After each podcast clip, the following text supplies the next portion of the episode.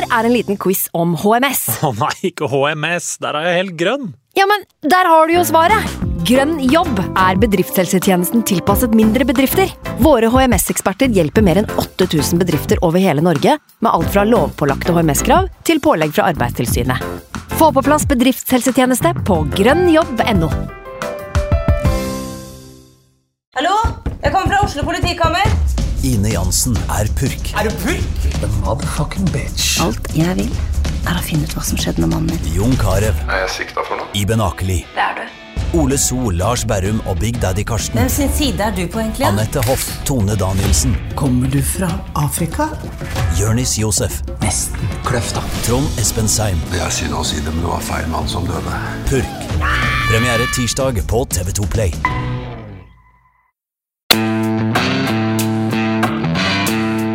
You have anything to say to Manchester United fans, Mr. Glazer? Are the fans just customers to you? Nothing to say at all. I mean, I'm a Manchester United fan and have been for 40 years of my life, but I'm disgusted.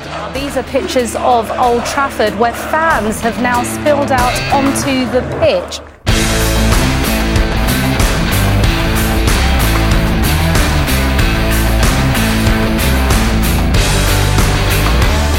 Avslutningen på sesongen 2020-2021 den bød på dramatikk, men kanskje ikke helt av den sorten noen av oss hadde forutsett.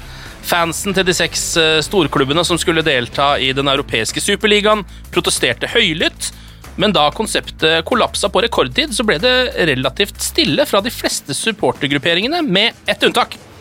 For United-fansene ble dette nemlig en lissepasning eh, til å markere sin misnøye med den amerikanske Glazer-familien som eier Manchester United, og det er nettopp dem, The Glazers, og deres høyst kontroversielle eierskap av Manchester United denne utgaven av United We Podcast spesial skal handle om.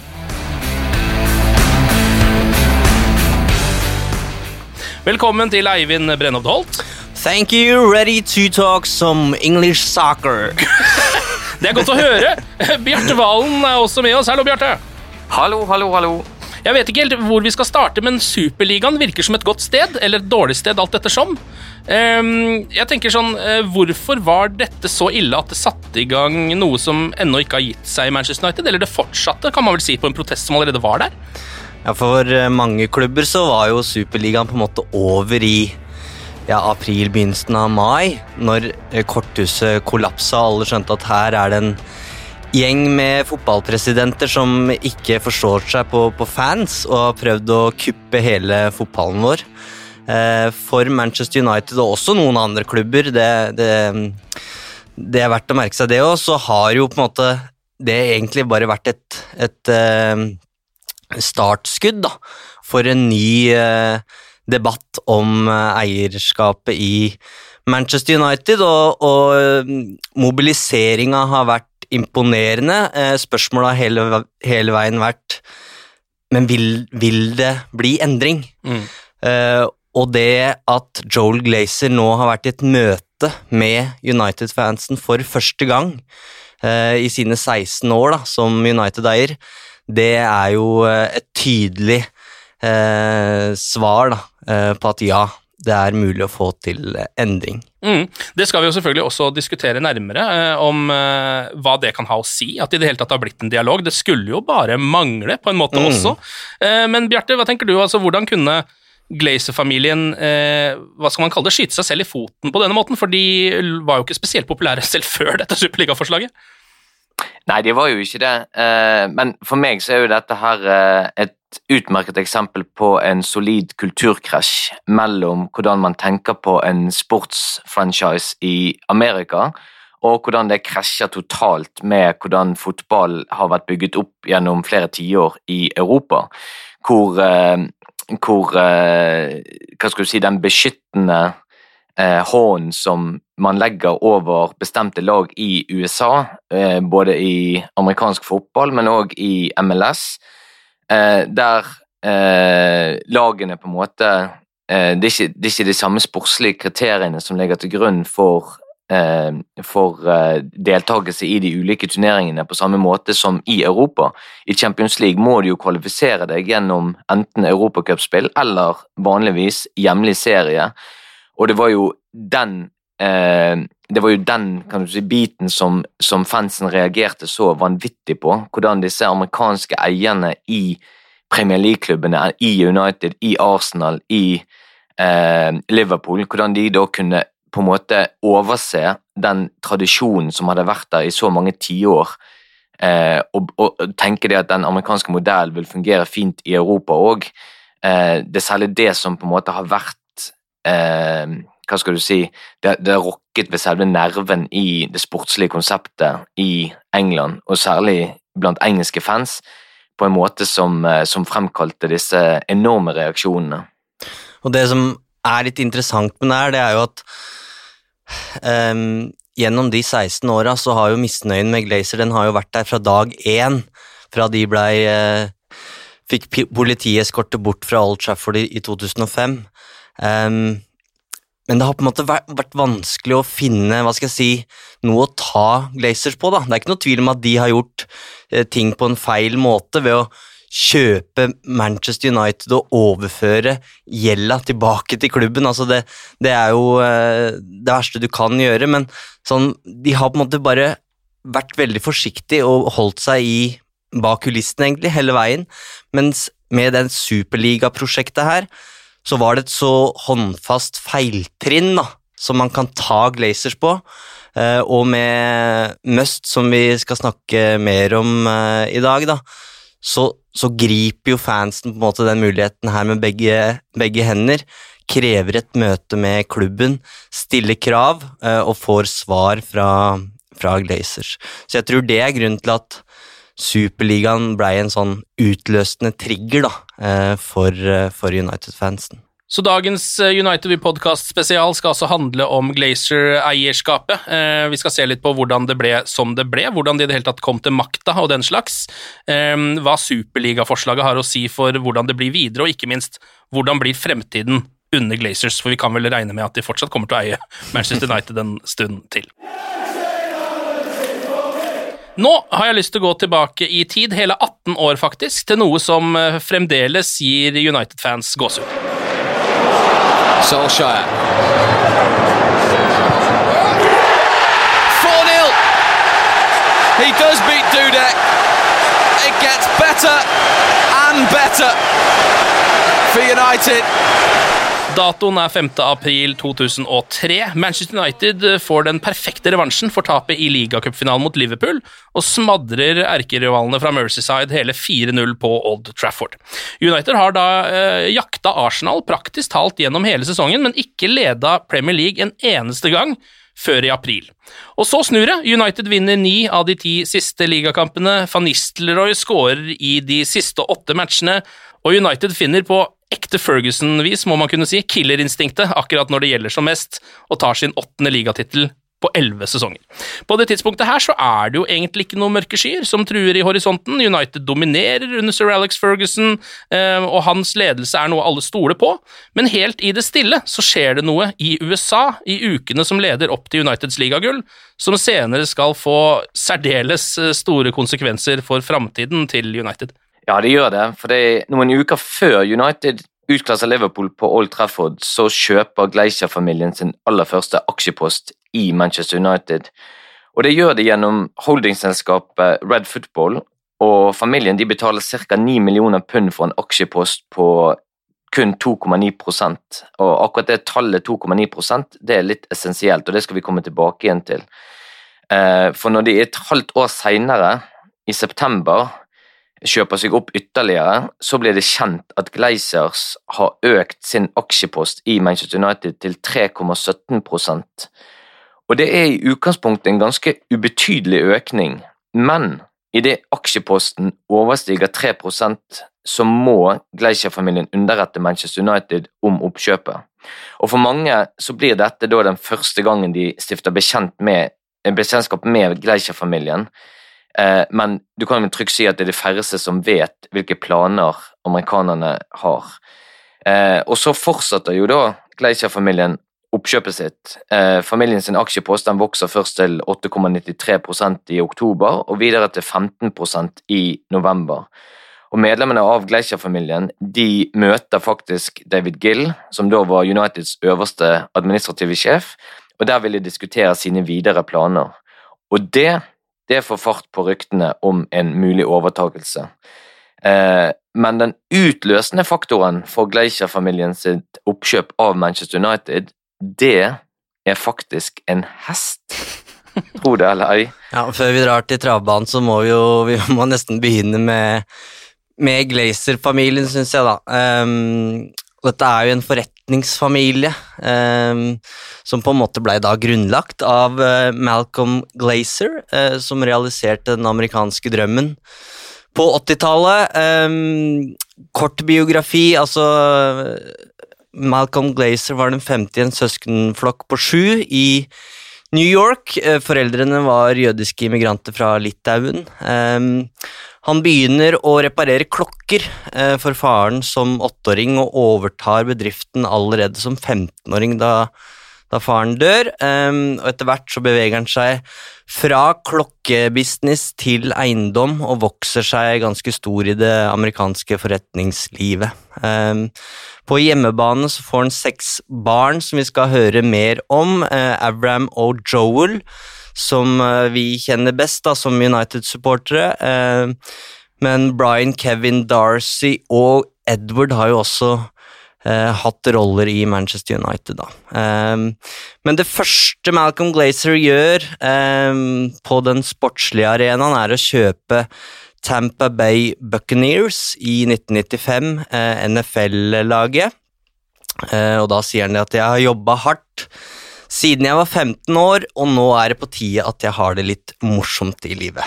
ja, Så det er tydeligvis en sportsinteressert familie, da, kanskje? Ja, samtidig så er det liksom kritikere i USA som sier at eh, Malcolm Glazer og, og de andre egentlig ikke har så veldig god peiling på NFL, men akkurat det skal ikke jeg bestride. um, Og det er jo en litt sånn som jeg var innom i stad, dette er jo en familie som, som, ikke liker seg så veldig godt i oppmerksomhetens uh, lys. Uh, men det er en buksehistorie av alle ting som, som jeg syns uh, hva skal jeg si, forsterker det bildet litt av Malcolm Glazer som en slags onkel Skrue. Frank er jo da som sagt oppvokst i New York i fattige kår, og har på en måte jobba seg opp. Uh, og denne historien her er et Jeg mener det er The Guardian som hadde et intervju med Malcolm Glazer eh, på et hotellrom. Og så står sønnen Brian der og på en måte bare følger med. Og så sier Malcolm på et eller annet tidspunkt at eh, Se på de buksene til uh, Brian. Det er Hugo Boss til 200 dollar. dollar. de buksene jeg har på meg, de er verdt 20 dollar. Eh, men jeg liker mine bukser bedre enn han liker sine, for jeg husker den gangen jeg ikke hadde råd til bukser mm. som kosta 20 pund. Um, og det er jo For meg så blir det litt den klassiske og kanskje litt forenkla fortellingen om en gjerrig forretningsmann som har ofra alt for å skape en fremtid for familien sin. Um, en gjerrig forretningsmann som på et tidspunkt var uten bukser, akkurat som onkel Skrue. ikke sant. um, og passer godt på, på, bingen sin, men på et eller annet tidspunkt så må da barna overta. Um, og det skjer gradvis uh, fram til Malcolm Glazer dør i 2014. Manchester United fans are waiting to see if there will be any changes at the club following the death of the owner Malcolm Glazer yesterday. Uten Malcolm Glazer så er det Joel og Avram vi kjenner best til da, på Old Trafford. Uh, og igjen, det er ikke så mye å oppdrive om de her to. Um, men uh, The Athletic har annet uh, snakka med noen uh, som har vært i kontakt med dem, og de sier at det er De er ikke den klassiske amerikaneren som er ekstremt ekstrovert og liksom in your face. De er ikke aggressive på, på noen måte. Um, men ja Beskrives som vanlige mennesker, hva nå det betyr. Jeg snakka med en amerikansk blogger Eh, eller en Bucks-blogger, eh, som altså følger NFL-laget, og han, han, sa at han hadde møtt dem flere ganger. og når jeg spurte kan du fortelle litt om hvordan de var, så tror jeg han eh, mistenkte at jeg hadde onde hensikter, for da var svaret litt sånn ja, altså de har ikke noe horn i panna eller dårlig ande, de er, de er vanlige mennesker, liksom. Helt, vi hadde en helt vanlig, vanlig samtale. Um, og det finnes knapt intervjuer som, som Glazer har uh, gjort med United. Amerikansk presse har forsøkt seg på Bucks pressekonferanser og ta opp eh, Manchester United, men uten hell. To the Manchester United fans who are, I think it's fair to say, desperate to hear from you and desperately interested in your plans for the, well, one of the great clubs of the world? We're, we're here today to celebrate the Super Bowl in Tampa in 2009, and it's a very important day, and I would hope you respect that. That's this community is here to celebrate that. These Sure, people right. here There, work there, there are very hundreds of hard. thousands of Manchester United fans who are looking forward to hearing from Mr Glazer. So I just wondered if you could at least send a message to the Manchester United fans of what is a period of real anxiety for them. Mr Glazer? Next question.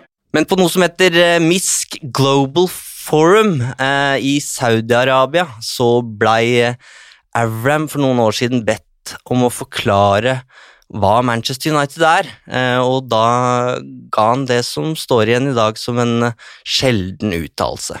Well, in Manchester United, everything. Um, developing youth is a core belief in Manchester United. It's part of the ethos of, of uh, what Manchester United is, and it all starts with our youth academy. So, what Manchester United does is it tries to develop young players, and we have a under 18 team, we have an under 16 year old team, we have an under 14 year old team, we have an under 12 year old team, and we have an under 10 year old team. So the, the people start very, very young, and, and their goal is to work their way up to be on, on the Manchester United first team.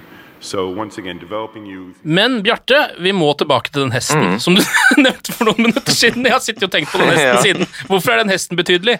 Du, eh, de fleste som eh, ikke kjenner historien bak eh, Gleicher sin overtakelse, de vil, jo, de vil jo tenke på navnet Rock of Gibraltar, eh, med denne særegne fjellformasjonen som, som du finner i dette bitte lille britiske territoriet, eh, Gibraltar, helt sør i Spania, eh, på bare syv kvadratkilometer. Eh, Men i United-kretser så er jo det navnet Rock of Gibraltar det er jo nesten egnet til å fremkalle allergiske reaksjoner. Eh, Og grunnen til det det var jo det at det var navnet på en hest som eh, irene John Patrick McManus og John Magnier som, eh, som eide den. Og det, det var de to største aksjonærene i Manchester United i 2003. Og de hadde en eierandel i United på like under 29 gjennom selskapet sitt Cubic Expression. Og vi skal legge merke til akkurat det tallet 29 eller like under, for det er en prosentandel som er ganske viktig, og som vi skal komme tilbake igjen til. Men som en, som en gest da, fra eh, disse irene til manageren Sir Alex Ferguson, som hadde virkelig fått interesse for eh, hester, så lot Magnier Ferguson få lov til å investere i hesten Rock of Gibraltar. På den måten så fikk eh, Ferguson en lik eierandel i hesten som det Magnier sin kone hadde. Og Rock, Rock of Gibraltar det var en eksepsjonell hest, det er viktig å huske på. Og den hesten den satte rekorder på løpende bånd, og han løp inn millioner eh, til eierne. Men her kommer det som er litt eh, kontroversielt, for det, det var ikke først og fremst som konkurransehest at Rock of Gibraltar hadde sin største verdi, men som avlshingst. Eh, og Magnia han var sikker på at Fergusons eierandel kun ga United-manageren krav på premiepengene som hesten løp inn, men Ferguson han mente seg berettiget til halvparten av gevinsten ved avl, og det var ikke småtterier. Eh, Så konflikten mellom Magnier og Ferguson den pågikk en god stund, og den var faktisk så betent at han var nær ved å ende i retten. Eh, Og i 2003, i november, så får faktisk Magnier et varsel fra Fergusons advokat om et mulig søksmål. Og alt dette skjer samtidig som Glaciers er i ferd med å kjøpe seg opp i Manchester United, og her nærmer vi oss nå et krysningspunkt. Dette skal jo egentlig være en podkast om eierskap i Manchester United, men eh, vi må jo bare si at det, kommer, det kommer stoff om andre ting enn hester, NFL og Onkel Skrue. ja, ja. Det er jo greit å vite, men her merker vi jo da at um, at samtidig som tonen mellom Ferguson og de to største aksjonærene i United blir verre og verre pga. en hest, så driver da Glazers og kjøper seg opp litt sånn i bakgrunnen, i skyggen her. Ja, og det leder jo til at uh, Glazer-familien på en måte De ser sitt snitt her, da. Som dyktige forretningsmenn så er de sikkert gode på å lese sånne ting, og de ser at her er det, her er det en mulighet. Nettopp, det er jo det de gjør. ikke sant? Eh, og, og, du kan godt si at Ferguson han hadde sannsynligvis ikke noen særlig god sak rent juridisk, for den avtalen som han hadde med Magnia, den var bare muntlig, og, og kanskje til og med noe diffus. Eh, men Ferguson han hadde jo noe som eh, Magnia og McManus ikke hadde, og aldri kom til å få heller, nemlig millioner av United-fans i ryggen.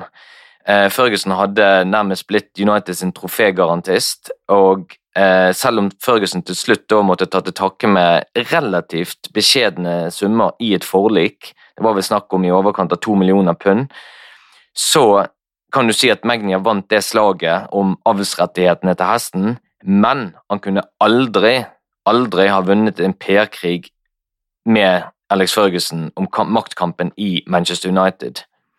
Hvis det her hadde vært Ole Gunnar Solskjær i dag, da, som var i krig om en eller annen uh, hest på en travbane på Biri, eller hva det skal være, så hadde jo dette vært noe som var, var dekka i, i mediene, selvfølgelig. Og Du sier PR-krig, Bjarte, men husker du hvor stor dekninga av den konflikten her uh, var på det tidspunktet? Ja, det var, det var, det var relativt Du kan si det var, det var, skrevet om i avisene, men jeg tror det som er grunnen til at ikke det ble viet så mye oppmerksomhet som eh, vi kanskje har sett i ettertid, det var det at jeg tror ikke folk skjønte eh, betydningen for Gleischer-familien sine oppkjøpsplaner eh, på det tidspunktet. Eh, så du kan si Hadde de ant konsekvensene av den krangelen om hesten, så hadde nok den fått atskillig mer oppmerksomhet enn det han gjorde på det tidspunktet. Men eh, Det ble dekket i media, men ikke langt nær så mye som man, man gjerne har gjort i ettertid. Ja. Det ender jo i hvert fall med at den irske duoen her de sender et brev til United-styret med 99 spørsmål eh, om alt fra drift til eh, spillekjøp. og jeg skulle jo likt å sett eh, ansiktet til Fergus når han eh, åpner den konvolutten der eh, og får 99 kritiske spørsmål i, i fleisen. Men eh, til tross for eh, forlik så fortsetter jo da forholdet mellom Ferguson og de to irrene å være betent. Det virker jo som akkurat den eh, bitte lille krigen her hadde jo egentlig eh, ingen aktører som vinnere, for vinnerne her var jo Glaze-familien. ja, det kan du godt si. Eh, fordi at hvis du spoler frem til, til februar 2004, da, eh, så skriver Financial Times, og dette er vel første gangen jeg har registrert egentlig at det foreligger konkrete oppkjøpsplaner. Eh, for da skriver Financial Times at Gleischer-familien har bedt den tyske finansgiganten Commerzbank om å utrede muligheter for en overtakelse av Manchester United. Eh, og Familiens aksjepost vi snakker om Gleischer-familien nå, eh, den har vokst til i overkant av 16% og den fortsetter å vokse smått, men jevnt og trøtt hele veien. Og I oktober samme år, 2004, så nærmer Gleischer-familien seg en eierandel på 30% Og det er viktig, for de 30% det er nemlig grensen for når en aksjonær formelt må lansere et tilbud om oppkjøp av et selskap. Og nå skjønner store deler av United-fansen hva som er i ferd med å skje. Eh, og de skjønner hvordan det skal skje, og de skjønner hvorfor det skal skje. Gleisers vil kjøpe Manchester United, og de skal gjøre det med enorme låneopptak. Og det fører til de første protestene mot Gleicher-familien sine planer. Ja, og 6. februar eh, av alle dager, da, eh, så henvender Glazer seg til Manchester United med en detaljert plan for et oppkjøp. Eh, klubben gir Glazer tilgang til alle de regnskapsdokumentene som de har krav på, mens David Gill går jo ut, eh, eller i hvert fall beskriver oppkjøpsplanene i negativt ordlag eh, som aggressive og potensielt skadelige for United, og det er ikke det siste Gill sier om det oppkjøpet, det kommer vi tilbake til litt seinere, tror jeg. Men altså i mai da, så offentliggjør dette holdings, holdingsselskapet til Glazer, Red Football, at de har kommet til enighet med investorene McManus og Magnier om å kjøpe eierandelen på 28,7% som irenes uh, selskap Cubic Expression eier i Manchester United. Um, og dermed da, på grunn av denne hesten, så overtar Glazer aksjene uh, til det som da hadde vært Uniteds største aksjeeiere, og det er jo det som utgjør den store forskjellen her. Uh, og nå eier da Glazer i underkant av 57% av klubben, eh, og da mm, da triller ballen fort da, eh, i, eh, i forretningsverden, og Glazer kjøper da den, også den tredje største aksjonæren i United, den skotske gruveinvestoren Harry Dobson. Og de neste dagene så lykkes Glazer-familien med å ta eierandelen opp til 75 eh, og kan dermed ta klubben av børsen, noe de gjør i juni 2005. Og samme måned, eh, når Glazer-familien eh, en, en eierandel på 98% og kan dermed tvangsutløse de resterende aksjonærene. Eh, så den endelige verdien av oppkjøpet blir til slutt 790 millioner pund.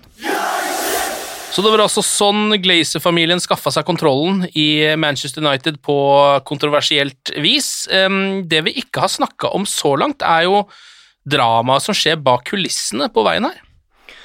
Ja, for dette var jo på en måte kortversjonen, ja. selv om jeg følte vi brukte lang tid på det. Ja. Um, men det er eh, det vi skal i den podkasten her, da. Tegne et, uh, skikkelig, et skikkelig bilde av situasjonen. Um, og før vi går videre, så vi kan på en måte ikke fortelle historien om Glazer-familien uten å nevne Tampa Bay Buccaneers. Um, for fotballinteresserte amerikanere i Florida de har et ganske annet forhold til det de kaller Team Glazer. Eh, og som Bjarte var innom i innledninga her, så er det her er to forskjellige verdener. Eh, forskjellen på europeisk og amerikansk idrett. Det kunne sikkert vært en podkast i seg sjøl, men kort uh, forklart da, så er, så er eh, NFL da, i, i, USA det er det, det, kan vi si er business. Det er reinspikka business, mens i England så er jo fotballen en bærebjelke i lokalsamfunnet. Det er jo nesten som en religion, på en måte. Mm. Um, stadion er deres kirke. Um, en annen forskjell handler om at Glazer, uten at vi skal diskriminere på bakgrunn av nasjonalitet, så de forstår seg sannsynligvis på amerikansk fotball, men ikke på europeisk. Eh, og det er en historie om husker ikke om Wayne Rooney skåra hat trick mot Debrechen eller, eller hva det var, men han, han skåra i hvert fall. Og i VIP-boksen så står, uh, står, Brian Glazer. Uh, og dette her er jo et av de første åra de, de, eier, eller sesongen de eier United. Um, og så spør han hva, hva skjer med ballen når den, når den blir mål? Uh, fordi i amerikansk fotball så er de vant til at ved touchdown så kan ballen bli på en måte et salgsobjekt som kan selges til høystbydende. Ah. Eh, og da måtte noen fra Manchester United forklare at nei, de tar bare ballen tilbake til midtstreken, og så spiller de videre. Og etter kampen så får Wayne Rooney den hvis han har skåret tre mål. ja, mm. det er jo den ene forskjellen. Men dette er ett klassisk eksempel på litt sånne dumme spørsmål som har kommet fra, fra den eh, kanten. Så liksom, For å oppsummere der, så er de, de er altså ganske populære i USA som eh, eiere av Tampa Bay Buccaneers? De har et godt forhold til fansen. Jeg har snakka som sagt med noen bloggere eh, som stiller seg veldig positivt, men så kommer det også fram i samtalen at de vektlegger andre ting enn det en, eh, en Manchester United-supporter ville gjort. Eh, det var f.eks. veldig viktig at de hadde vunnet en sånn kunde- eh, eller forbrukerundersøkelse, Tampa Bay. Eh, så de har på en måte den beste servicen da, i på NFL. Ja. ja, litt sånn med tanke på billetter og sånne ting. Oh, ja, ja, det var kjempeviktig. Um, og de har jo et mye mer sånn De er mer personlig involvert. Joel Glazer snakker ofte med fansen. Uh, det er historier om at han inviterer dem opp til VIP-boksen litt sånn impulsivt. Uh, han er på plass i garderoben og kan snakke på stadion og gir intervjuer to ganger i, i sesongen. så en mye mer synlig figur enn det vi er vant til på Paul Trafford. Um, samtidig så er det ikke et ukontroversielt eierskap heller. Uh, for det første Malcolm Glazer gjør når han kjøper Bucks i 1995, er at han planlegger å, å um, bygge et nytt stadion. Uh, og det andre han gjør, er å få skattebetalerne til å ta regninga. ja. Og det møtte mye motstand. Da var det holdt på å si green and gold-tilstander i, i, Tampa Bay. Um, men det ender uansett med at lokale myndigheter faktisk da finansiere Raymond James Stadium, som har en kapasitet på 65 000 seter og 195 VIP-bokser. På en måte Forskjellen her da, eh, er at Bucks har på en måte fått suksessen sin pga. Glazer, og ikke på tross av, som var tilfellet med, med Ferguson som manager. Eh, så Glazer og, og Bucks tar sin første Superbowl i 2003. Eh, det blir kort suksess, men de har gjort betydelige investeringer siden 2011. Og det toppa seg jo da de signerte Tom Brady i 2020 eh, og vant sin andre Superbowl på, på Raymond James. You know, my father had an expression. If you want to know the road ahead, ask the person who's been there. We found that person. 10 Super Bowl appearances, 7 victories, Tom Brady. Yes, you did. Så det kan jo være greit også å ha i bakhodet at samtidig som uh, Glazer-familien sliter noe voldsomt med Manchester United, så går det egentlig totalt andre veien Mm. i USA, da. Altså de er, der er det ikke bare det at de er delvis populære, men uh, rent sportslig så er det jo også megasuksess der. Ja, det virker mer investert personlig. De har nok ganske sikkert investert mer økonomisk uten at jeg har gravd i det. Og så hører det med til historien at det er kritiske Bucks-fans også til, til Glazer, men i amerikansk fotball så står ikke Glazer-eierskap ut som noe spesielt, fordi det er business. Ja. Kan jeg bare få spørre deg en ting, Eivind? Eh, vi har jo vært på presserommet på Old Trafford ganske mange ganger eh, i forbindelse med kamper, og idet vi går ut fra presserommet og ut på pressetribunen, så går vi jo i, gjennom en sånn trang korridor som går forbi VIP-rommet. Eh, jeg har aldri blitt invitert inn på VIP-rommet når når Gleischer har vært på kamp der. Jeg vet ikke om du har gjort det, men jeg regner med du hadde fortalt meg om det hvis du hadde blitt det. Nei, jeg venter fortsatt på invitasjon. Men det, det som er litt interessant, da, for det at hvis vi går tilbake igjen til når eh, Gleischer-familien kjøpte seg opp i United, så var det jo Malcolm Gleischer, familien sitt overhode, eh, den amerikanske businessmannen som Eivind var inne på, som hadde på en måte gone from rags, rags to riches, eh, bygge seg opp fra nesten ingenting. Det var han som på en måte ble den store, stygge ulven i United-fansens øyne. Eh, men vi har blitt fortalt, og det har vel kommet frem ganske tydelig senere òg, at det var ikke Malcolm Glaciers ønske egentlig å kjøpe Manchester United. Det var det Joel og Avram som gjorde på vegne av familien, og fikk overtalt da faren til å investere familiens midler til å kjøpe Manchester United. Eh, og det er jo for så vidt Avram og Joel Glacier som òg har vært aktiv siden eh, og forvaltet eierskapet på vegne av familien, og det gjør de fremdeles. Eh, de sitter jo i styret i United som, som likestilte formenn, executive directors. Eh, de øvrige fire Glacier-søsknene, Brian, Edward, Kevin og Darcy, de er direktører, eh, men har en litt mer beskjeden rolle i United-systemet.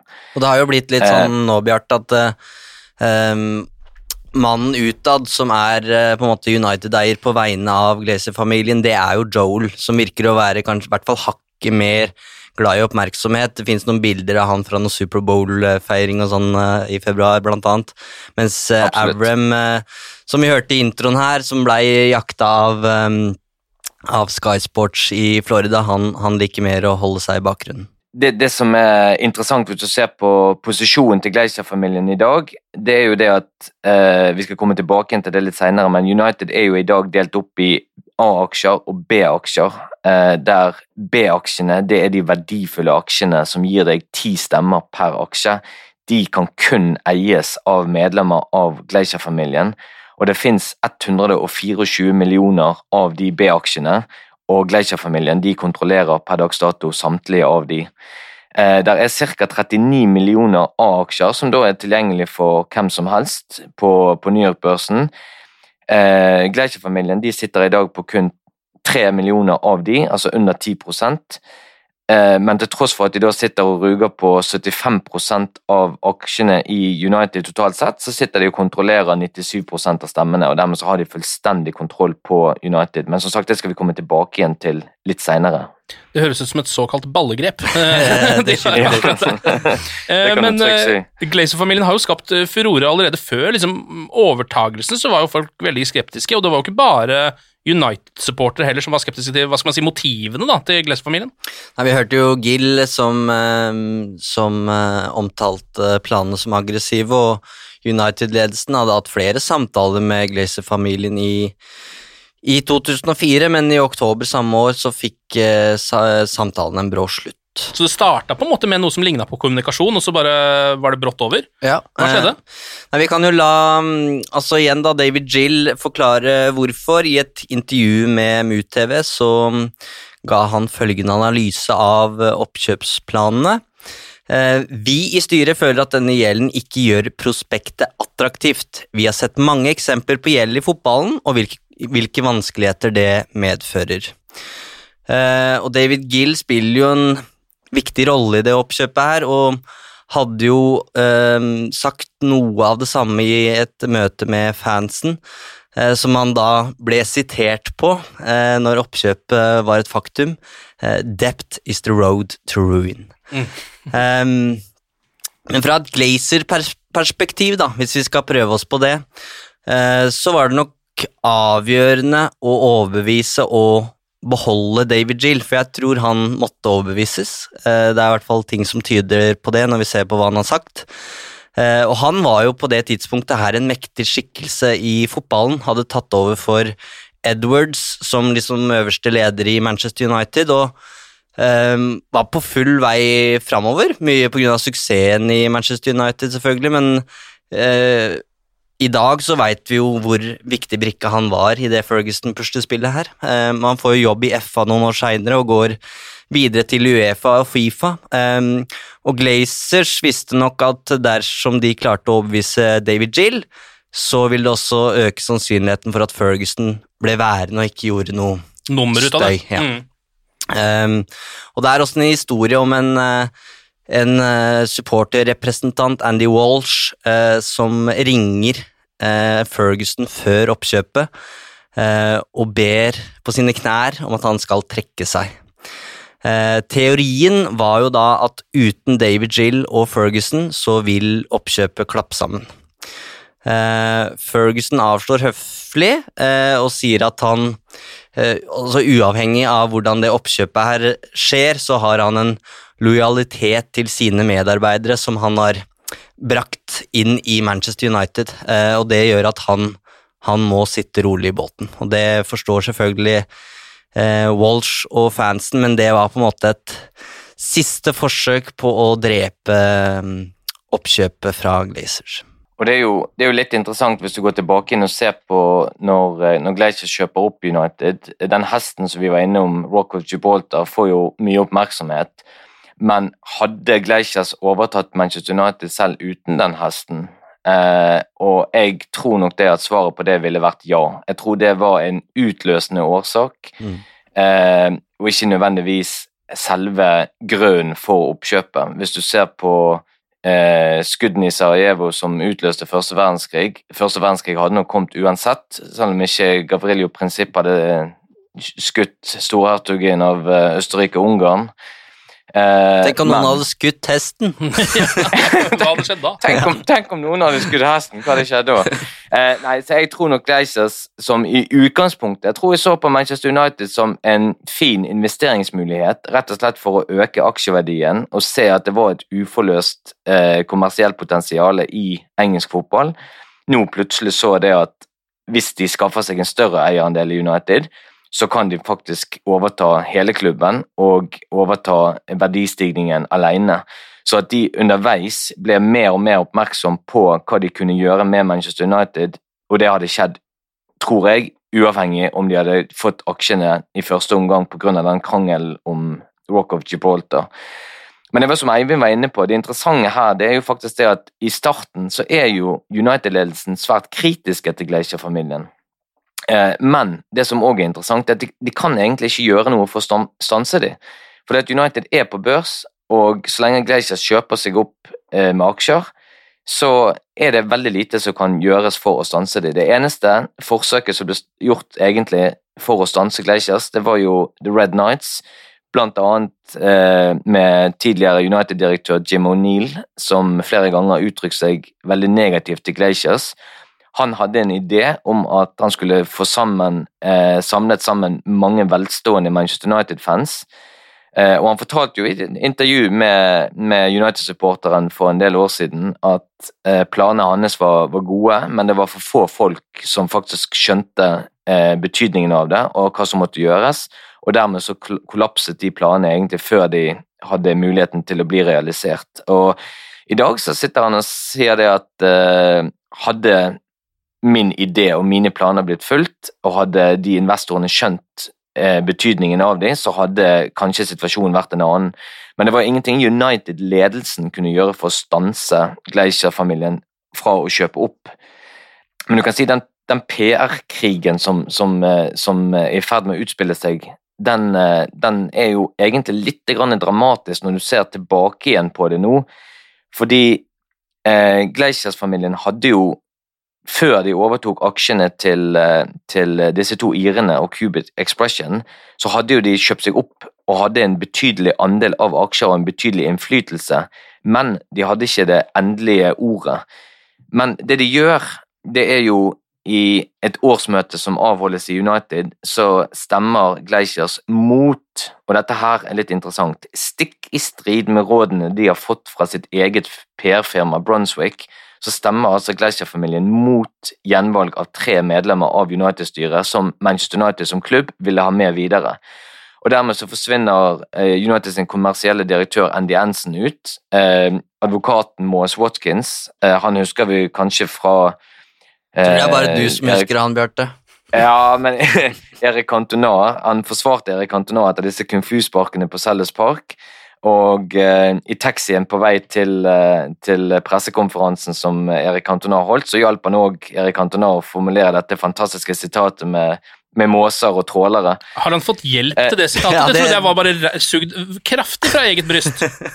Ja, nei, han visste, han visste, hva han ville si, men han, eh, han lurte på hva, hva, måser var på engelsk. Og så lurte han på hva du kalte disse svære fiskebåtene som, eh, som fisket med store nett. Uh, og da fikk han Betyr det at den der Fifa-talen heller ikke er Erik Antonas, egentlig? Det er kanskje tidenes mest kryptiske sitat, men aldeles herlig. Det er jo blitt en klassiker.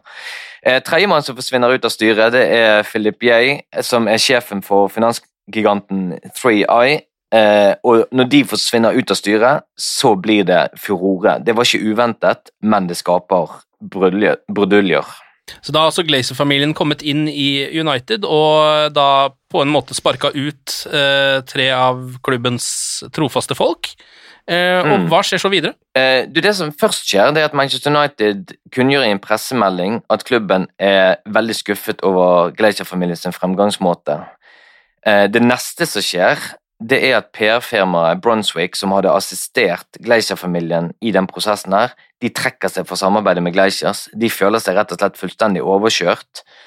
Eh, men det er ikke bare Brunswick som, som tilsynelatende trekker seg, det gjør faktisk òg den amerikanske investeringsbanken JP Morgan.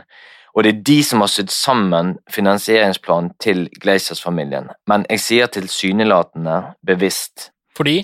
Det er nesten ingen som kjenner til det, men på det tidspunktet hvor JP Morgan og Gleicher-familien tilsynelatende da bryter kontakten, så har de allerede en avtale mellom seg om at JP Morgan de skal jobbe med å eh, bistå Gleicher-familien til å kjøpe opp United. Men disse planene de er det ingen som vet om. Så utad så fremstår det som at JP Morgan har kuttet alle bånd til Gleischer-familien, mens de egentlig, i realiteten, jobber veldig tett sammen, men de gjør det i all hemmelighet. Og Derfor så får Manchester United et kodenavn, Mercury, i de rapportene, og selve oppkjøpsprosjektet det får kallenavnet Hempstead. Og Grunnen til at de brukte disse to kodenavnene Mercury og Hempstead, det var hvis disse e-mailene eh, skulle komme på avveie til noen som kunne misbruke den informasjonen, så skulle ikke de skjønne hva det var snakk om. Eh, og det var åpenbart at dette var jo så sensitivt at kom dette ut, og kom dette i feil hender, så kunne hele oppkjøpsplanene de kunne bli veltet. Du hører på United We Podcast spesial. Det er Glazer-eierskapet eh, som er under lupen i dagens eh, spesial, med Ken, eh, Bjarte og Eivind som vanlig. Og nå skal vi snakke om gjelden, et ikke ubetydelig tema når det kommer til Glazers. Jeg skal sende pinnen over til Bjarte etter hvert, som har stålkontroll på talla. Men i hvert fall 19.1.2005, bare to, drøye to måneder etter det omstridte årsmøtet som vi var innom, så avholdes det et møte i lokalene til investeringsbanken Rothschild. Og i det møtet der meisles alle detaljene ut for hvordan Gleischer-familien skal overta eierskapet i Manchester United. Og når de da kjøper Manchester United i 2005, for 16 år siden, for hele 790 millioner pund, som du nevnte tidligere, Eivind, så skjer det da gjennom store låneopptak. Eh, og her er det JP Morgan da kommer inn det er de som syr sammen, med hjelp av flere andre finansinstitusjoner, de syr sammen den pakken til Gleichers-familien. Eh, og det er en lånepakke da på 525 millioner pund. Og hele 275 millioner pund av de, det kommer i form av et såkalt payment in kind-lån, eller et peak-lån, som vi ofte har sett eh, det blitt referert til. Og de lånene de har renter på over 14% og senere steg de rentene til faktisk over 16% fordi at United ikke tilbakebetalte de innenfor tidsfristen som var gitt. Og Det som er litt interessant med de peak-lånene, det er det at det er det som på en måte bidrar mest til at gjeld til United bare øker og øker og øker. Men det var, det var ingen går... sjanse for at uh at uh, disse peak-lånene kunne vært uh, betalt innenfor fristen i 2010? Eh, I teorien jo, men eh, Gleisers-familien valgte å ikke gjøre det, fordi at det var to måter de kunne betalt dem på. Det ene var gjennom dyre spillersalg, at United hadde kvittet seg med sine største stjerner. Det ville skapt ramaskrik blant fansen. og det andre det var at de hadde eh, hva skal vi si, strupet Ferguson sine muligheter til å hente nye spillere til United. Det gjorde de til en viss grad uansett, men de hadde strupet den muligheten fullstendig. Så de sitter egentlig litt stille i båten ganske bevisst, vel vitende om at en vakker dag så klarer vi å få refinansiert eh, de peak-lånene og la de bli en del av hele den totale gjeldsbyrden, slik at rentene som var i ferd med å drepe United på det tidspunktet, de eh, rentene som da hadde oversteget 16 Alle som låner penger, som vet at renter på 16% det er uforholdsmessig mye.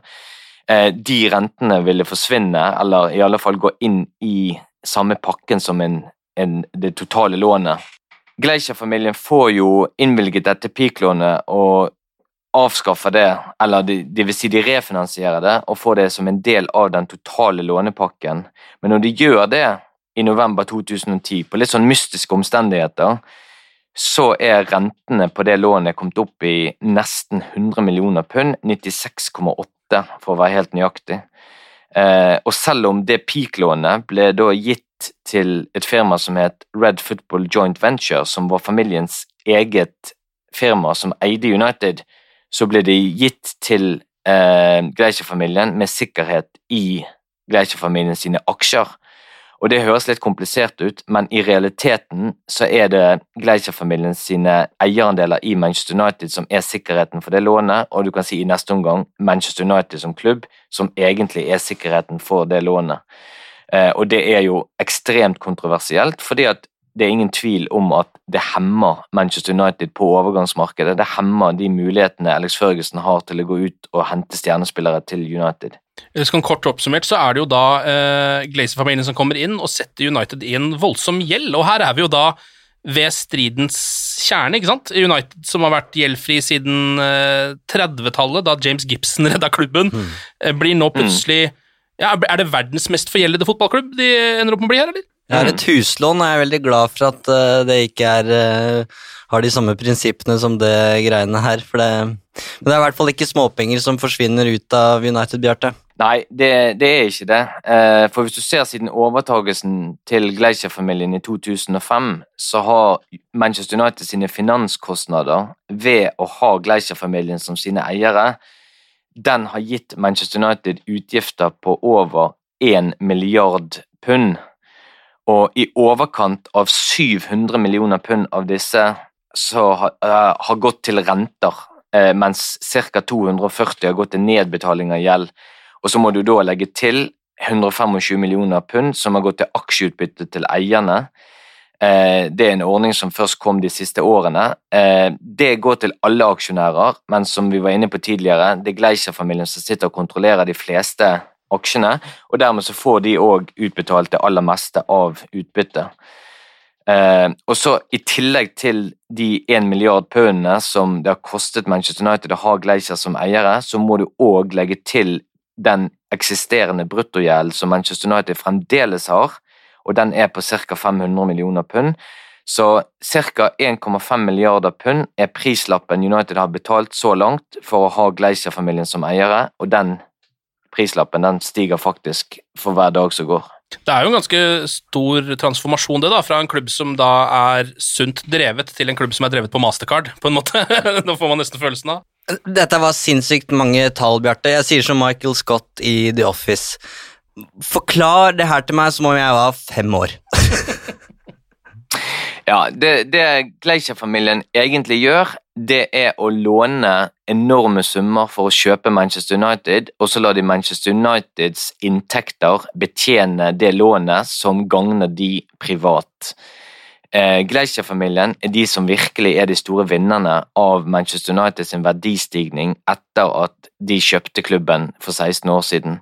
Og skulle de solgt klubben i dag, vi vet at den ble kjøpt for ca. 790 millioner pund, skulle de solgt Manchester United i dag, så hadde de neppe solgt Manchester United for mindre enn et sted mellom 3,5 og 4 milliarder pund.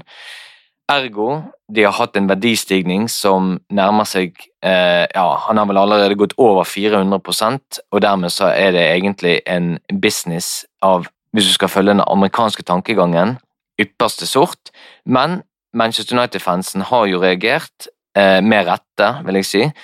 Eh, fordi at eh, den verdistigningen som man har sett da eh, i Manchester United, ikke bare pga. det Gleisias har gjort, men òg fordi det har vært en generell verdistigning i deltakelse i Champions League, i TV-rettigheter, i sponsorrettigheter generelt sett. Den verdistigningen har egentlig ikke kommet Manchester United som klubb til gode, men den har kommet Gleischer-familien til gode. Og det er det som er veldig vanskelig for United-fansen å akseptere. Man må jo på en måte ha to tanker i hodet samtidig her, da. Eh, masse Minst. gjeld. Minst to. Eh, Glazer-familien har påført United masse gjeld, men under eh, Glazer sitt lederskap så har jo United også hatt en eventyrlig kommersiell vekst. Det må vi jo kunne innrømme. Hva, hva tenker du, Bjarte, var det en utvikling som Glazerne forutså, at United skulle vokse så voldsomt? Ja, altså akkurat den kommersielle biten var vel kanskje det som trigget de til å investere i United i det hele tatt. De mente at det var et stort uforløst potensial for kommersialisering av engelsk fotball, og særlig Manchester United. Så akkurat den biten er egentlig ikke så veldig overraskende. De har vært veldig dyktige på den biten, men eh, det, det, er to ting som er litt interessant. for når de overleverte sitt originale prospekt for overtakelsen av Manchester United, så var det faktisk to ganske sentrale eh, momenter i deres kalkyler som, som viste seg å være feil. Eh, for det de undervurderte, det var hvor kjapt spillerlønningene i Premier League ville eskalere. Der har det jo mm. vært en vanvittig lønnsøkning siden Premier League så dagens lys. Men så kan du òg si det at heldigvis for Gleischer-familien så var det en annen kalkyle de hadde utarbeidet som òg var feil, og det var hvor kraftig TV-økningen, eh, inntektene i, i, i TV-avtale ville bli. Så du kan si at det de bommet på med økningen i spillerlønningene, det ble kompensert med økningen i TV-avtalene. Så sånn sett så gjorde de to feil, og to feil ble på en måte én rett, hvis du kan si det på den måten.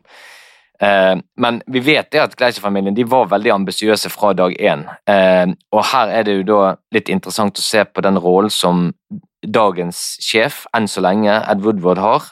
For han blir hentet fra JP Morgan, eh, mye på grunn av den rollen han hadde i oppkjøpet når han bisto Gleiser-familien. Så han blir hentet inn til Manchester United, og noe av det første han gjør igjen, når han eh, får satt seg inn i, i sin rolle, det er å hente sin egen tidligere studiekamerat Richard Arnold, som da senere blir markedssjef i United og er i dag markedsdirektør og den øverste ansvarlige for alle disse fantastiske kommersielle avtaler United har signert de siste årene.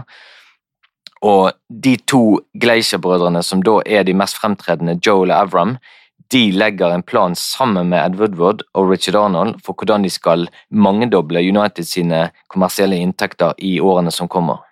Ja, Vi snakka jo om eh, betydningen av å beholde David Gill eh, for Glazer-familien, og da var det jo Genistrek nummer to var jo da å ta med seg Ed Woodward, som uh, ble den kommersielle kongen i, i Manchester United, uh, og han har på en måte gitt pinnen videre til Richard Arnold. og det er jo en rekke sponsorater som selges verden over, og det, det som var avgjørende for United, var vel at de oppdaga et hva skal jeg si, ikke ukjent, men et uforløst marked da, i Asia. Um, og vi kjenner jo til de her, eh, Ken. Vi har jo sett eh, plakatene med Mr. Potato og Aperol Spritz, og det er båtmotorer. Eh, på Old Trafford så var det jo Singa-øl eh, en lang periode. Eh, noen gir mening, mens andre ting som tomatjus og maling og nudler og girolje og sånn, det Man ser ikke helt relevansen til Manchester United, men Men folk kjøper det, og det blir penger i kassa. Tydeligvis, fordi det har jo gitt grønne tall i regnskapene til Manchester United, og, og, vi kan jo sitte her og le, men det har nok finansiert en spiller eller to. Mm. Um, og Glazers oppdrag til seg selv da de kjøpte Manchester United, var jo på en måte å gjøre klubben til en inntektsbringende bedrift, uavhengig av hvordan det går på banen. Eh, og da kan vi jo trekke fram det berømte sitatet til Ed Woodward, som han har prøvd å forklare og vri seg unna i etterkant, da, men det at prestasjoner på banen egentlig ikke spiller noen rolle, det er det kommersielle og i dag sosiale medier som er det viktigste. Um, men hovedrollene har som sagt Woodward og Arnold hatt. Eh, de har jobba i kontorene i Mayfair i, i London. Um, og det er verdt å merke seg at United var på et helt annet spor før overtakelsen. Uh, det er en uh, tidligere direktør som har uttalt seg til The Athletic, og han forteller det at på det tidspunktet så hadde de Vodafone som draktsponsor, og så hadde de åtte Eh, sponsorer som de kalte for platinum-sponsorer. Ehm, men på det tidspunktet så ønska de seg egentlig færre og større avtaler, så ikke åtte platinum-sponsorer som hver ga én million, men fire som ga fem millioner hver. Eh, men Glazer skal jo i en helt annen retning. Eh, de sier til klubben at det finnes hundrevis av selskaper i verden som dere aldri har hørt om, f.eks. Uh, eh, Mr. Potato, som vil betale ti ganger mer enn de nåværende sponsorene. Og så blir det sånn det beste tilbudet vinner. Så den lista med Husker vi hadde en sak på United.no hvor vi telte opp alle sponsorene, og det, det, var jo en drøss, i hvert fall langt mer enn åtte, da. Og viktigst av de her, det er jo uh, draktsponsorene, da, Bjarte. Én ting er at hvis du, hvis du, klarer å overbevise et firma til å bli Manchester United sin offisielle giroljeleverandør, så tenker jeg da gjør du et eller annet riktig fra et salgsståsted. Eh, du må være god å snakke for deg, men du må òg ha en veldig god merkevare i bunn. Eh, men det Manchester United gjør når de går frem for å selge disse sponsorpakkene, disse territoriale og, og temabestemte sponsorpakkene som Eivind var inne på, det er jo at de benytter seg veldig av eh, to undersøkelser som et, eh, et markedsbyrå, eh, Kanter, har gjort for dem. Hvor de i 2011 var det vel, eh, kunne fastslå at United hadde over 600 millioner fans og followers over hele verden. Det tallet har senere gått opp til 1,1 milliarder. Eh, og når de da henvender seg til f.eks. En, en, en eh, mobiltelefonleverandør i skal vi si, Bulgaria, som de hadde en periode, så kan de gå til den eh, bedriften i Bulgaria og så kan de si det at ok, vi ser det at det er så og så mange fans i aldersgruppen 16 til 30 år, som antageligvis er prima kunder for dere. Eh, de er interessert i Manchester United. Hvis dere går inn i et eh, samarbeid med oss, så betaler dere så og så mye. Dere får tilgang på videoklipp, dere får tilgang på konkurranser, dere får fortrinn til Manchester United sammenlignet med deres konkurrenter, og det vil kunne gi dere en inntektsvekst på så og så mange prosent. Eh, dere betaler egentlig oss kanskje bare 30-40% av den inntektsveksten, så dette er en vinn-vinn-situasjon. Og på den måten så klarer de å overbevise de mest utrolige samarbeidspartnere nesten verden over om at det å bli assosiert med Manchester United og Manchester Uniteds logo, det er noe som ikke bare gjør at de kan sole seg i glansen av United sin prangende logo, men òg at det faktisk gir mening for disse eh, firmaene som da velger å gå inn på disse avtalene. Strategien til United nå er å øke verdien på de avtalene og kanskje reversere litt og ha litt færre sponsorer, men at hver av avtalene skal være verd mer enn det de var tidligere. Eh, men det jeg syns er det mest spektakulære med Gleischer sin tilnærming, det er det som har skjedd med utviklingen på, på draktsponsorene. Fordi når de kom inn, så var det Vodafone som Eivind var inne på, som var United sin eh, draktsponsor i 2006. Eh, og da trakk de seg, for de var ikke fornøyd, og de hadde anledning til å gå ut av den avtalen. Og da skal du huske på at dette var ganske tidlig i Gleicher-familien sitt eierskap, og i utgangspunktet så kan du tenke deg at de ville vært interessert i absolutt hvert eneste pund de kunne få inn i sponsorkontrakter. Men det som skjer, det er det at Joel Gleicher han blir faktisk ganske glad og tilfreds når han får høre at Vodafone vil trekke seg ut, for han mener at den draktsponsoravtalen til Manchester United den er undersolgt. Den er verd mye mer enn 8 millioner pund, og det får han jo for så vidt rett i, for den neste avtalen United inngår med AIG, den er verd over 14 millioner pund, og så øker den igjen til i underkant av 20 millioner pund med Aon, og så kommer da den store store, store avtalen med General Motors eller Chevrolet, som sitter en helt ny standard på verdensbasis når de inngår et syv års samarbeid der snittprisen hvert år er på 58,6 millioner pund. Og den avtalen er det faktisk kun Real Madrid og Barcelona i dag på verdensbasis som har kunnet målt seg med. Eh, så hvis du sammenligner der Manchester United var i 2005, når Gleicias kom inn, så hadde de kommersielle inntekter som var på ca. 48,7 millioner pund. Og det var ca. en tredjedel av omsetningen til United. Eh, de samme inntektene i dag, de kommersielle inntektene, de er på ca. 280 millioner pund. Eh, og Der har de for så vidt lagt stabilt et par år, pga. at mange av de største avtalene er bundet fast i, i, tid. Men vi vet jo det at United har fått en ny draktsponsor som, som kommer til å bli gjeldende fra eh, sesongstart 2021-2022. Som vi har fått høre, så har det jo gått kommersielt godt eh, under Glazer-eierskapet, eh, men det er faktisk ett grep de har gjort som om mulig har vært enda eh, smartere enn å klare å øke de kommersielle inntektene, og det er å gå på aksjer.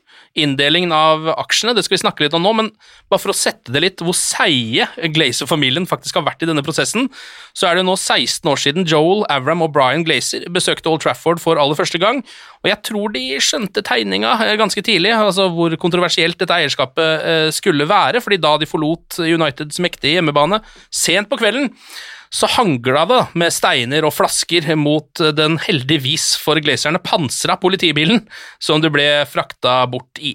Og de skal nok være glad for at det ikke var rundt Old Trafford da sinte United-fans demonstrerte der eh, i vår, Um, og med tanke da på hvor fiendtlig den velkomsten fra United-fansen var da, og fortsatt på en måte er, så ville det jo vært fristende å konkludere med at dette her ville bli et kortvarig eierskap. At de bare ble, nesten ville bli hva skal man kalle det, mobba ut av det, rett og slett. Uh, men sånn har det jo ikke gått. Nei, Gless-familien var uh, forberedt på at det eierskapet her det skulle være et maraton og ikke en sprint. og en som var til stede på Old Trafford under de protestene som du snakker om, eh, om der, eh, Ken, det er sir Bobby Charlton. Mm. og i en litt rar og i hvert fall ikke Vær varsom-plakatvennlig reportasje på MUTV, så, så lager da klubbkanalen en, et nyhetsinnslag om oppkjøpet, der Bobby Charlton beklager fansens motstand da, til ja. Glazers. Ever the diplomat, Sir Bobby Charlton acknowledged last night's events when he met the new owners. I'm sorry, sorry about the trouble last night. No, I, I, I tried to get the message over, you know. and apologized for, for some of the behavior of some of the fans. Planene, da, eh, og ikke minst da gjennomførelsen av dem, har jo blitt rost fra amerikanske finansfolk, men du skal ha lekt det lenge etter en United-supporter i England som forsvarer de amerikanske eierne, selv om det skal sies at jeg har, jeg har møtt en. Jeg Har? Jeg har møtt en engelskmann som i fullt alvor eh, forsvarte Glazers og mente Finansmann, eller? Nei. Men eh, uansett hvordan vi snur og vender på det, så kan vi jo konkludere med at United har vært en melkeku for eh, Glazers, eh, men da gjelden var på det høyeste, så kunne faktisk en sesong eller to uten Champions League-spill det kunne velta hele prosjektet. Det var ikke noe særlig farlig under sir Alex Ferguson, det var liksom ikke noe fare for det da. Ehm, men salget av Cristiano Ronaldo til Real Madrid for ca. 80 millioner pund, eh, det kom på et tidspunkt da gjelden faktisk var i ferd med å komme ut av kontroll, så det var avgjørende, det salget der. Eh, og strategien til Uniteds eiere var likevel klar, da. Eh, ved å bruke de økte kommersielle inntektene og pengene fra, fra de heftige TV-avtalene klarte Glazers å holde hodet over vann de første trøblete åra. Og de hadde selvfølgelig da, som sagt, en uvurderlig hjelp i trofégarantisten sir Alex Ferguson. Vi har jo faktisk fått inn et eh, spørsmål på Twitter Eivind, som handler om dette med A- og B-aksjer, som er det vi skal snakke om nå. Ja, og det er det som er litt eh, avgjørende for at det her For at Glazers kunne ta kontroll som de gjorde. Olav eh, lurer på hvordan Glazers fikk prata New York-børsen til å akseptere nåværende struktur da, med A- og B-aksjer, for det er jo avgjørende, Bjarte. Absolutt, eh, og det er et godt spørsmål. Og jeg har dessverre egentlig ikke noe veldig godt svar på det, og det tror jeg egentlig ingen har. For det er rett og slett en stor gåte hvordan det er mulig.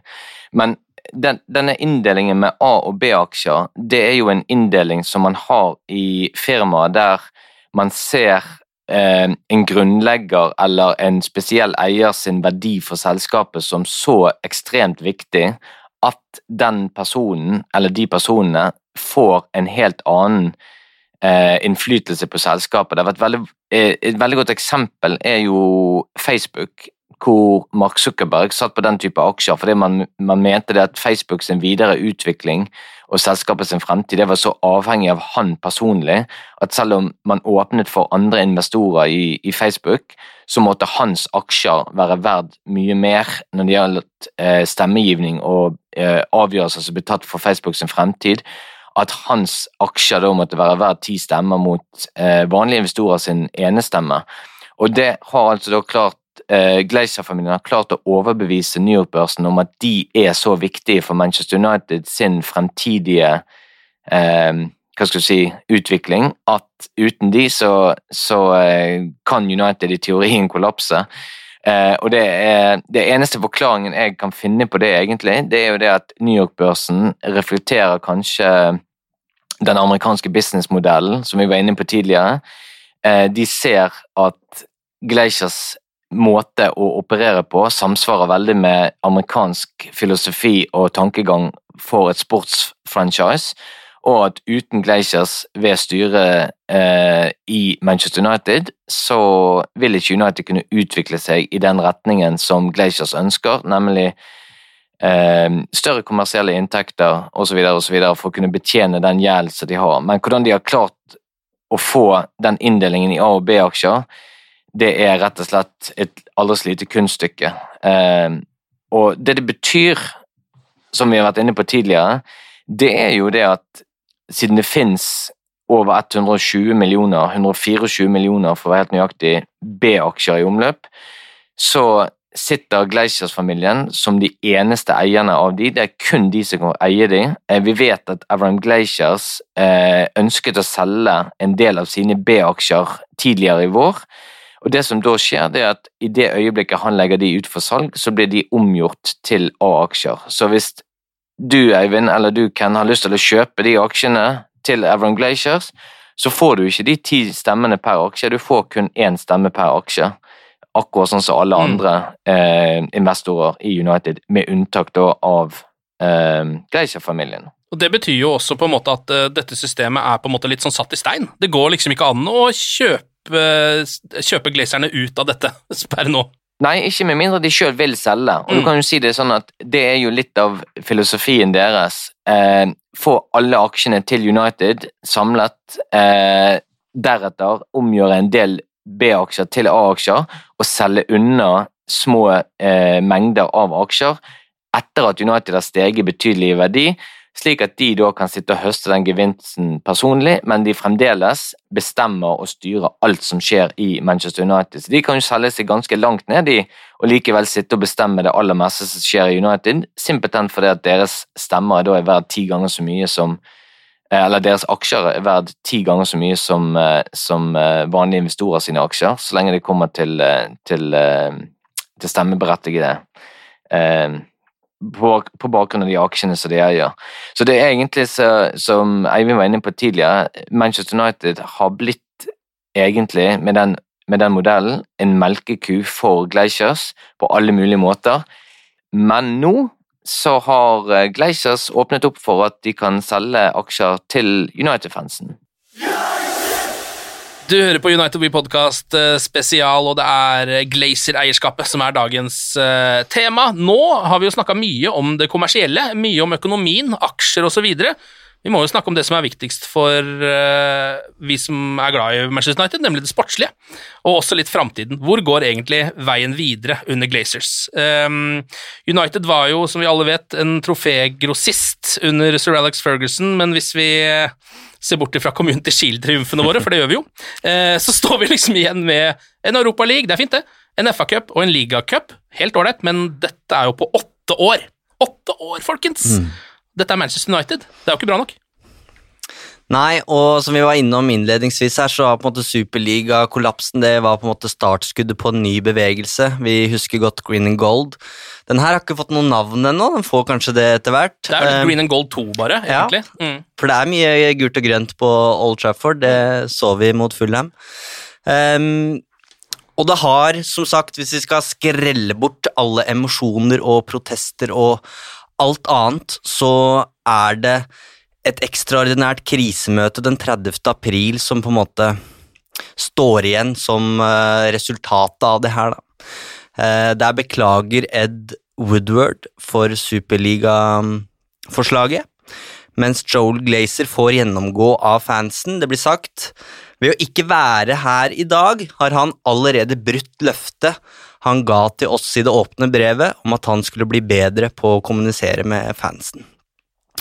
Eh, vi aksepterer ikke unnskyldninga og sier Altså United-fansen sier ganske enkelt 'vi har fått nok'. Dette er, på en måte en kulminasjon da, av 16 år med misnøye. Eh, og som det blir sagt, Vi har null tro på at eierne vil følge opp disse uttalelsene, og tror ikke de forstår eller bryr seg om klubbens flotte tradisjoner og verdier.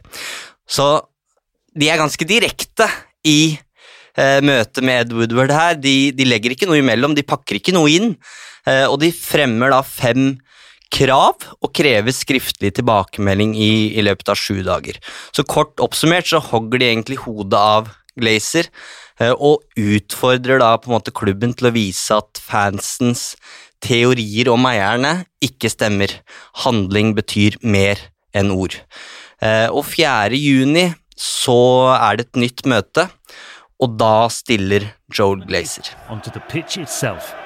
This was the scene at one of the most famous football grounds in the world, that revered Manchester United pitch, the place of stirring feats of football occupied. A proposed Super League for a European football has collapsed within two days of being launched. This summer, Glazer was speaking at a fans forum today, where he also promised investment to Old Trafford and the training ground. It was his first appearance at the event in 16 years, coming in the wake of United's involvement in the failed European Super League. Today, Glazer outlined proposals, including the creation of a fan advisory board to consult with the club's senior leadership and owners.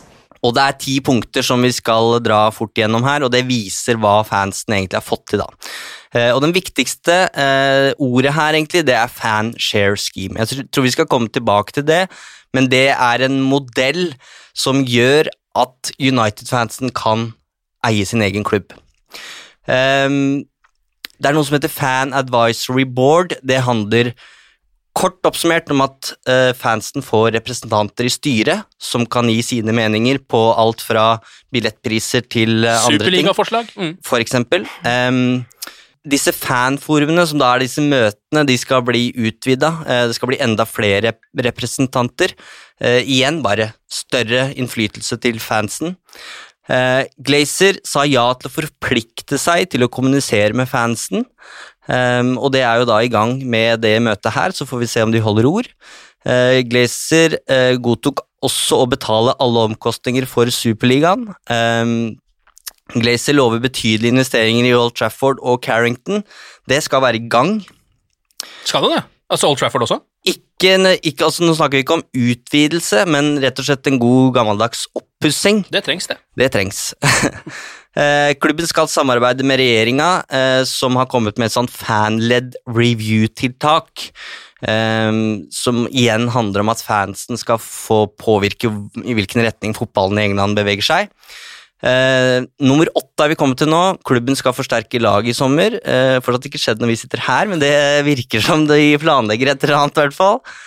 Så er det to ting som Glazer ikke god, godtok. Og nå har vi altså hatt åtte punkter som eh, egentlig viser at eh, det vil skje endring. Eh, og så er det to ting de ikke godtok. Eh, det ene var å betale gjelden fra egen lomme.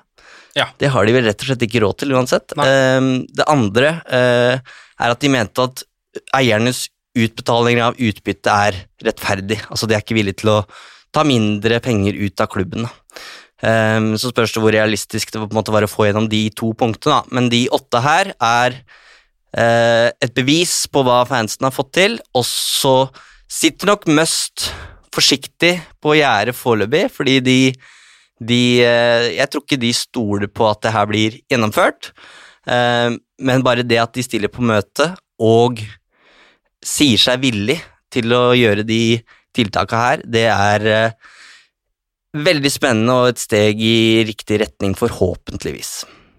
Uh, Bjarte, tror du noe som helst på at uh, United-supportere får mer innflytelse over Glazers? Jeg er forsiktig optimist. For hvis, hvis, vi, hvis, vi, hadde gått tilbake igjen ett år i tid, og disse punktene som Eivind gikk igjennom nå, hadde blitt fremlagt for Glacier-familien, så hadde jeg aldri i livet sett for meg at de hadde gått med på et eneste ett av dem. Eh, og nå går de med på åtte av de. Eh, jeg må innrømme sjøl at jeg var veldig spent på eh, å se om de kom til å gå med på punkt nummer ni og ti, nemlig det med å betale gjeld fra egen lomme, og hvordan de ville stille seg til aksjeutbytte. Jeg var ganske sikker på at de ville være negative til begge de to, og det fikk jeg dessverre rett i. Eh, men bare det at de nå har opprettet en dialog og en kommunikasjon direkte med supporterne, det er et stort steg i riktig retning. Eh, tidligere så har United-fansgrupperinger hatt dialog med klubben, men da har det vært enten Richard Arnold eller Ed Woodward de har snakket med. De har ikke snakket direkte med eierne, som har forholdt seg stumme som østers helt siden overtakelsen. Eh, vi skal òg huske på at Joel Glacier og resten av Glacier-familien de har ikke gitt et eneste intervju offentlig om sitt eierskap i Manchester United siden overtakelsen, og da gjorde de det ved, med MUTV. Eh, og da var det jo egentlig ikke akkurat noen kritiske spørsmål som ble stilt fra MUTV til de. Det var bare en mikrofonstativ egentlig på at de skulle få lov til å komme med sine tanker og vyer for hva de skulle gjøre med Manchester United. Så jeg er forsiktig optimist, eh, og jeg tror i alle fall at det har bidratt til at ting går i positiv retning. Eh, om det skjer fort nok, om det skjer mye nok, det er det, er det kun tiden som vil svare på. Men eh, at ting går i riktig retning, det gjør det.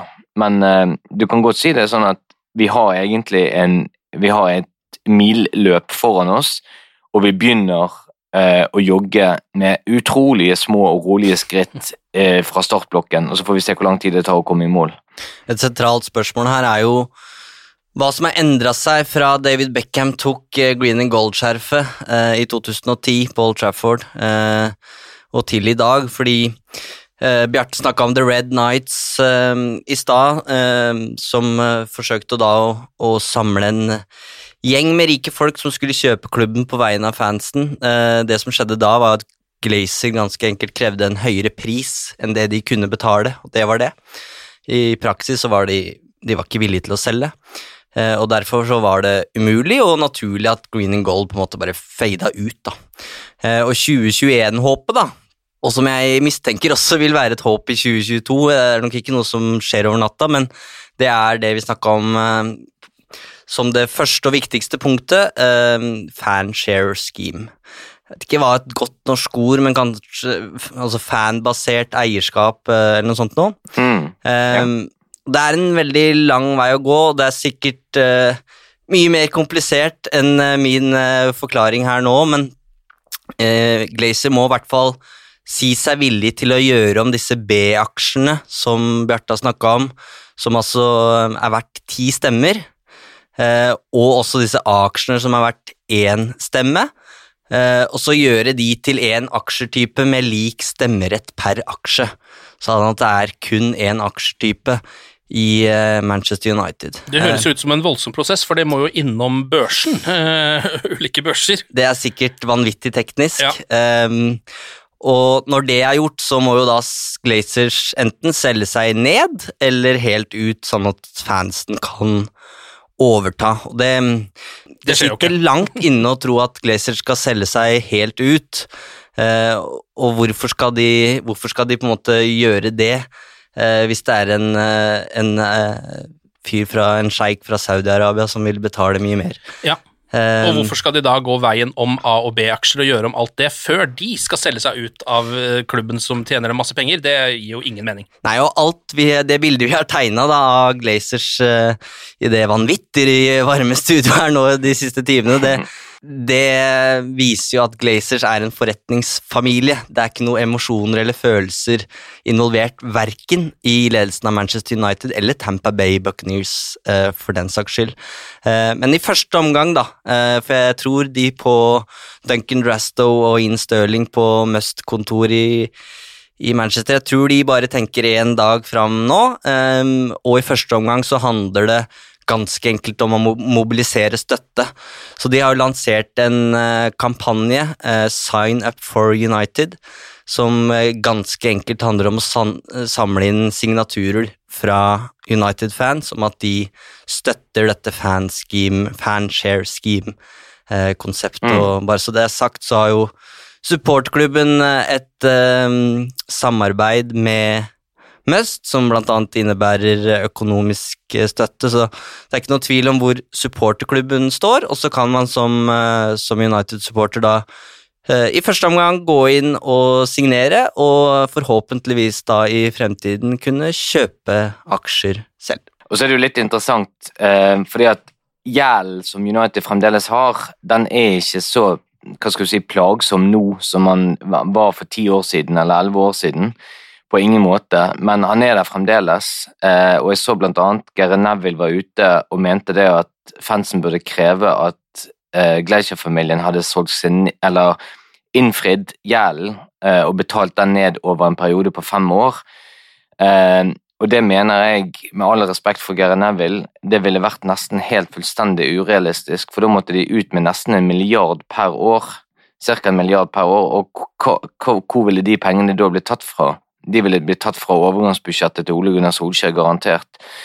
Uh, og det ville da igjen ført til at vi kunne bare vinket uh, ha det bra til en overgang for Daden Sancho eller Kian Trippier eller hvem det nå måtte være. Uh, så jeg tror jeg skulle gjerne sett at Gleisers hadde vært villig til å redusere gjeld litt mer, ja, men det er mange klubber der ute nå, annet når United kjøpte Harry Maguire og Aaron Van Bissaka, som var klar over at United hadde ganske mye penger på bok, det som de kaller for cash eller cash equivalent, og dermed så forlangte de òg at United kjøpte eh, Leicester forlangte det aller meste av overgangssummen for Harry Maguire up front, altså det vil si at dere får ikke han på avbetaling over fem år. Dere må ta mesteparten av kostnaden på 80 millioner en engang. Og det samme gjorde Crystal Palace med Arvan Bissaka. Eh, den muligheten har ikke United i år. De sitter nå med betydelig mindre eh, kontanter i banken, og dermed så hvis du lurer på hvorfor det drøyer litt med en overgang for Daden Sancho, til tross for at både United og Borussia tror jeg er enige om ganske mye av rammebetingelsene der, så er det rett og slett Det handler om hvor mye skal United betale i, i det øyeblikket man signerer en avtale, og hvor mye skal de betale neste år, og det tredje året og fjerde året, og eventuelt og hvis United får det som de vil, det femte året.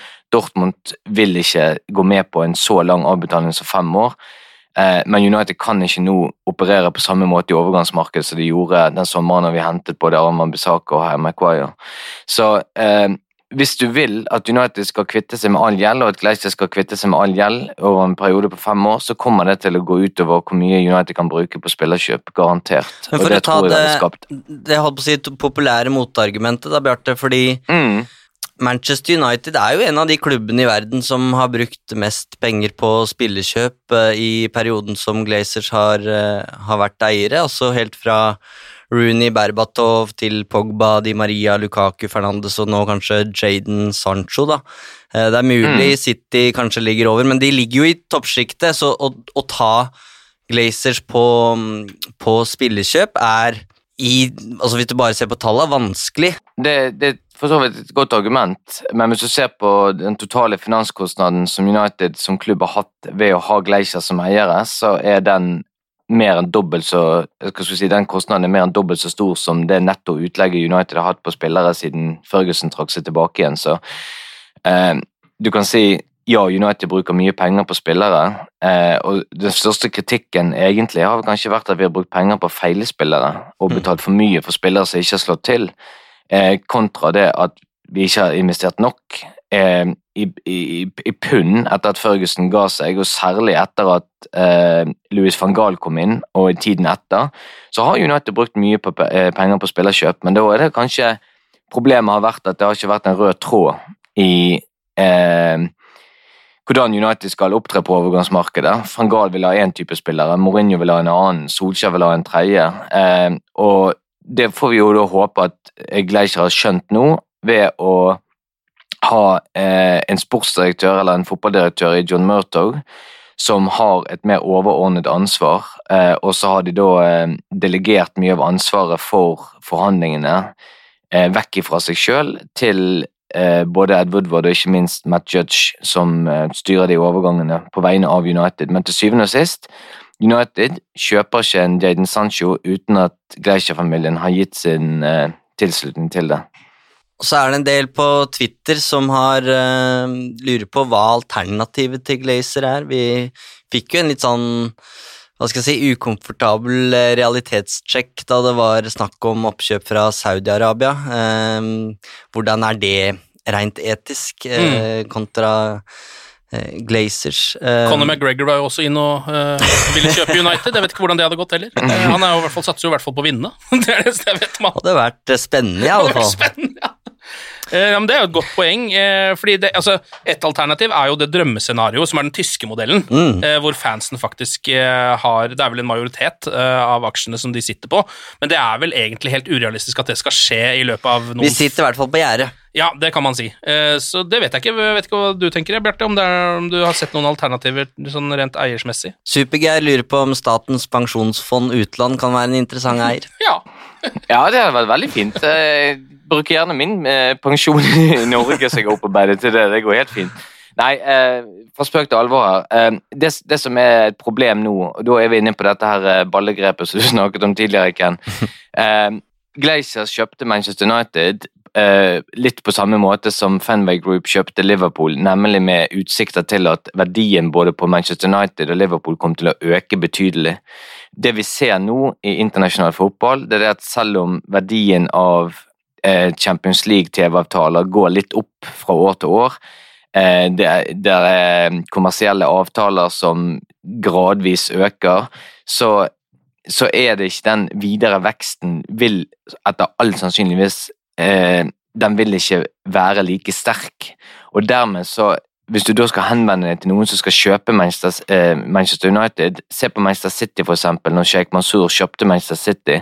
Hvordan han har fått på en måte legge sitt hele sin filosofi, hvordan han bygget opp klubben, hvordan han bygget opp klubben både med eh, med treningsfeltet like ved over veien fra, fra Etihad stadion. Problemet i dag er at du får ikke kjøpt en Premier League-klubb av den størrelsen som Liverpool, Manchester United eller Arsenal eh, for et slikk og ingenting. Du må ut med enorme kostnader, og en eller annen gang så vil du gjerne tjene penger på det. Eh, og det er vanskelig å se hvordan du kan finansiere et oppkjøp av Manchester United med en pris på ja, 35-40 milliarder kroner, og likevel tjene penger på det. Og det største faremomentet da er jo det at du sitter igjen egentlig med to muligheter. Enten, som dere var inne på, at det kommer en, en, en, en stat à la Saudi-Arabia og, og, vil inn på eiersiden, eller at du får et nytt eierkonglomerat eh, som finansierer oppkjøpet med hjelp av store låneopptak, og så har du hele sulamitten gående på nytt med gjeld, med renter og altså alt som hører med. Det er i hvert fall ikke noe tvil om at 2021 i United-historien sannsynligvis vil stå igjen som et vanvittig viktig år, uansett hvordan det her går. Nå venter vi i spenning på, på fanbasert eh, eierskap og ser om det kan bli en realitet. Eh, og så har superligakollapsen allerede fått én betydelig konsekvens, og det er at Ed Woodward ikke lenger skal være Uniteds eh, øverste leder. Sannsynligvis så kommer det en Glazer-vennlig sjef inn, altså en intern ansettelse der, men det veit vi jo ikke når vi sitter her. Eh, John Murto er klubbens første sportslige direktør, eh, og Justin Cochrane har kommet inn for å erstatte Nikki Butt i det som blir en veldig avgjørende rolle i akademiet. Så har vi den evige ventetida da, på overganger. Hva slags lag vil Ole Gunnar Solskjær ha 14. august, når sesongen skal sparkes i gang mot Leeds, av mm. alle lag, på Old Trafford, eh, og kanskje enda mer interessant, eh, hvordan vil United-fansen opptre på tribunen? Det vil jo bare fremtiden vise, det, Eivind. Nå er det i hvert fall noe som rører seg, eh, og godt er det. Så får vi se hva som blir det endelige resultatet av alt dette her etter hvert, og kanskje sånn helt til slutt også hvordan det viser seg ute på den grønne matta, for det er jo tross alt det aller, aller viktigste. Mm. Det var den fulle og hele historien om Glazer-eierskapet til Manchester United inntil videre. For historien begynner kanskje på en eller annen måte også akkurat nå. Det kan fort bli en oppfølger her. Det kan fort bli en oppfølger. Bjarte og Eivind, tusen takk for praten, og glory, glory.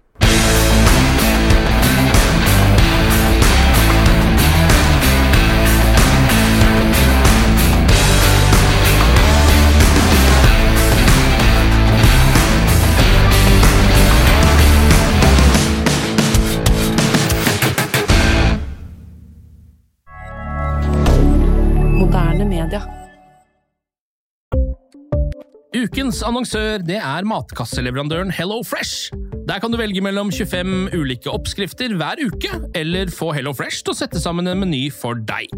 Jeg sparer tid på å handle, oppskriftene er veldig enkle å lage, og så får jeg akkurat det jeg trenger da, til hver eneste rett, så jeg slipper å kaste så mye mat som jeg vanligvis gjør. Det er også litt deilig å faktisk slippe å gå på butikken, ikke bare fordi det er tidkrevende, og sånn, men fordi man ender opp med å kjøpe så mye greier som man egentlig ikke trenger, sånn som fire poser eh, Smash og en kick med havsalt, eksempel. Det er ikke det du egentlig er der for, du er der for å kjøpe, kjøpe middag. Så det er en veldig eh, kjekk ting. I tillegg så er det jo eh, ferdigporsjonerte ingredienser, det blir mindre matsvinn, og du betaler bare for det du faktisk trenger, og det du faktisk da spiser. I tillegg så blir det da levert på døra. Eh, til et fastsatt tidspunkt, sånn at du kan få det akkurat når det passer for deg eh, sjæl. Hvis HelloFresh høres ut som noe for deg, så har jeg en rabattkode du kan bruke også. Gå inn på hellofresh.no og bruk koden HelloUnited24. HelloUnited i ett ord, også 24, og få opptil 1779 kroner i rabatt på de fem første matkassene dine hvis du ikke har prøvd HelloFresh ennå. Du kan også bruke koden hvis du tidligere har vært kunde, men har stoppa abonnementet ditt for tolv måneder siden eller mer. Det er ingen ingen bindingstid, og du kan pause eller avslutte abonnementet ditt akkurat når du selv måtte ønske. Husk koden HelloUnited24, og bon appétit! Ukens annonsør er Folio, en smartere banktjeneste for deg som har en egen bedrift eller ønsker å starte for deg selv. Folio er en superenkel nettbank for bedrifter. Som kunde i Folio får du en bedriftskonto med et bedriftskort og app. I denne appen er det smarte løsninger som forenkler regnskapet ditt, uansett om du har en liten bedrift eller et enkeltpersonsforetak. Folio er både intuitivt og brukervennlig, og er laget med et enkelt språk. I tillegg tilbyr de forutsigbare priser og ingen skjulte gebyrer. Skulle du likevel trenge det, så kan du snakke med deres raske og hyggelige kundeservice, og der får du prate med en faktisk person og ikke en chatbot. Folio er med andre ord både enklere og koseligere enn banken. Over 10 000 bedrifter har allerede valgt Folio som sin banktjeneste, så besøk folio.no og se hvordan Folio kan forenkle din hverdag også. Har du et enkeltpersonforetak eller en liten bedrift? Da er du sikkert lei av å høre meg snakke om hvor enkelt det er med kvitteringer og bilag i fiken, så vi eh, gir oss her, vi. Fordi vi liker enkelt.